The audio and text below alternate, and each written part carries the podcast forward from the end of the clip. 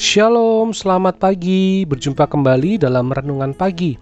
Sungguh bersyukur untuk kehidupan yang masih Tuhan percayakan bagi kita, kesempatan kita boleh menjalani satu hari lagi kehidupan kita bersama dengan Tuhan. Mari bersama-sama kita mengawali pagi kita dengan merenungkan firman Tuhan. Kita perhatikan dari surat 1 Petrus pasal yang kelima, ayat yang kedua dan ayat yang ketiga. 1 Petrus 5 ayat 2 dan 3. Gembalakanlah kawanan domba Allah yang ada padamu, jangan dengan paksa tetapi dengan sukarela sesuai dengan kehendak Allah. Dan jangan karena mau mencari keuntungan, tetapi dengan pengabdian diri.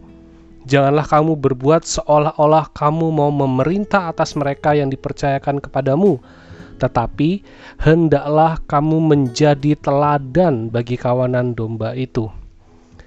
Bagian ini bisa menjadi satu refleksi dan juga bisa menjadi satu pedoman bagi kita. Refleksinya adalah bagaimana kita melihat keberadaan kita di hadapan Tuhan, bagaimana kita melihat akan kerohanian kita.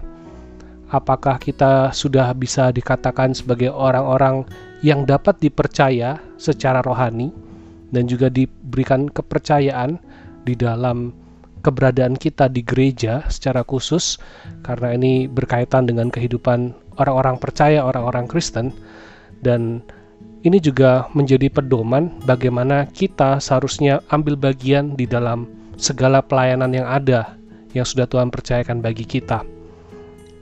Bagi setiap kita, orang-orang yang sudah dapat dipercaya atau yang sudah dikatakan dewasa secara rohani, keberadaan kita di gereja itu tentu bukan hanya untuk sekedar hadir dan mengikuti acara-acara gereja, tetapi kita juga terlibat di dalam pelayanan. Dan bagi kita yang sudah dipercayakan atau kita yang bisa disebut sebagai seorang penatua, orang yang bisa dipercaya yang diberi, diberi tanggung jawab, Petrus juga mengingatkan satu perintah yaitu gembalakanlah kawanan domba Allah yang ada padamu. Jadi, tugas kita sebagai orang-orang yang dapat dipercaya adalah menggembalakan kawanan domba Allah. Seperti gembala memperhatikan domba-dombanya, kita di gereja itu juga saling menggembalakan, bukan hanya soal gembala sidang dan jemaat, tetapi semuanya itu juga harus saling menggembalakan. Artinya, kita seperti gembala memperhatikan domba-dombanya, kita juga saling memperhatikan satu dengan yang lainnya. Kita saling mengingatkan, saling memelihara, saling melindungi di dalam kasih Sang Gembala Agung kita, Yesus Kristus. Dan dikatakan juga di sana, jangan dengan paksa, tetapi dengan sukarela sesuai dengan kehendak Allah. Panggilan untuk menggembalakan ini muncul seiring dengan kedewasaan seseorang di dalam Tuhan orang yang dewasa adalah orang yang dapat bertanggung jawab atas dirinya, bertanggung jawab terhadap jasmani dan rohaninya. Dan ketika ia sudah selesai, sudah beres, sudah siap dengan dirinya, barulah ia bisa benar-benar memperhatikan orang lain dengan sungguh-sungguh. Baru benar-benar bisa memperhatikan dengan tulus, baru benar-benar bisa mempedulikan yang lain ketika ia sudah selesai dengan dirinya itulah orang yang dewasa. Sehingga dengan kedewasaan itulah baru bisa kita melakukan penggembalaan atau memperhatikan saudara-saudara yang lain. Dan menggembalakan itu dikatakan jangan karena mencari keuntungan tetapi dengan pengabdian diri. Gembala itu juga dapat diartikan sebagai pemimpin. Tetapi di dalam menggembalakan kawanan domba Allah itu sangat dibutuhkan seorang gembala yang mau mengabdi. Karena sejatinya kita semua adalah kawanan domba milik Allah, kawanan domba yang telah ditebus oleh Kristus. Sehingga semua pelayanan keberadaan kita di dalam gereja itu juga merupakan satu pengabdian kepada Sang Gembala Agung kita, Yesus Kristus. Sehingga di dalam melayani, di dalam pelayanan, jangan kita mencari keuntungan, tetapi kita menyatakan syukur kita, bakti kita, pengabdian kita kepada Allah. Janganlah kamu berbuat seolah-olah kamu mau memerintah atas mereka yang dipercayakan kepadamu, tetapi hendaklah kamu menjadi teladan bagi kawanan domba itu.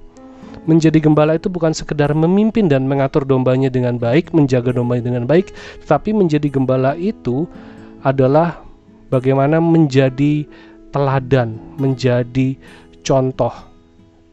Ini bukan soal posisi dan jabatan, apa pun yang dipercayakan pada kita, apa pun yang kita lakukan, kita yang dewasa itu akan dilihat dan akan memberi dampak. Sehingga mari kita menjadi teladan yang baik bukan hanya karena kita dipercaya menjadi majelis atau pengurus komisi atau sudah dikenal lama banyak oleh jemaat kita akhirnya terpaksa menjadi contoh tetapi apa pun yang kita kerjakan terlepas dari jabatan, mari kita yang dewasa, kita menjadi teladan yang baik. Sebagaimana Kristus telah memberi teladan bagi kita, kita juga memberi teladan bagi saudara-saudara kita seiman.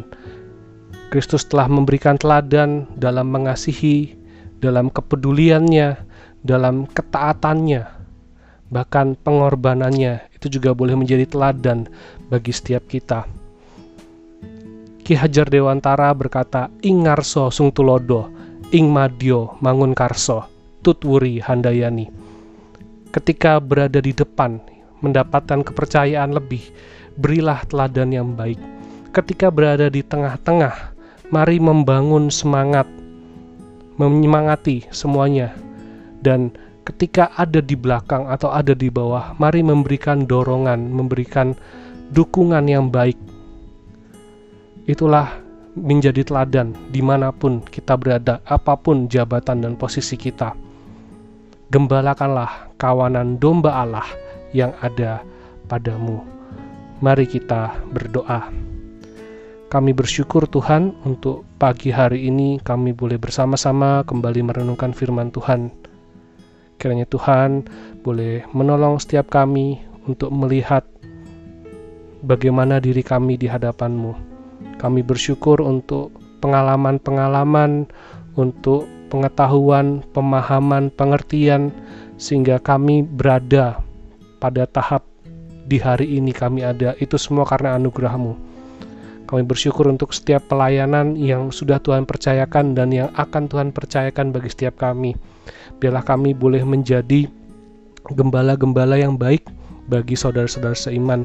Kami boleh saling menjaga, saling memelihara, saling mempedulikan, mengingatkan dan memperhatikan sehingga kami sebagai anggota kawanan domba Allah, sebagai anggota tubuh Kristus, kami boleh bersama-sama bertumbuh semakin mengenal Tuhan, semakin erat dalam ikatan persaudaraan di dalam iman, dan biarlah kami boleh saling mengasihi dan menunjukkan kepada dunia bahwa kami adalah milik Kristus, yaitu ketika kami dapat saling mengasihi. Kami juga menyerahkan kehidupan kami sepanjang hari ini. Kami mohon hikmat dan kekuatan Tuhan dalam kami menjalani keseharian kami di hari ini dalam aktivitas dan pekerjaan yang sudah Tuhan percayakan pada kami. Kiranya melalui perkataan kami, melalui tindakan kami, kami boleh menjadi kesaksian yang baik bagi sesama dan melalui kehidupan kami, kami boleh memuliakan Tuhan. Terpujilah Engkau ya Bapa, di dalam nama Tuhan Yesus kami berdoa. Amin. Selamat pagi, selamat beraktivitas. Tuhan Yesus memberkati.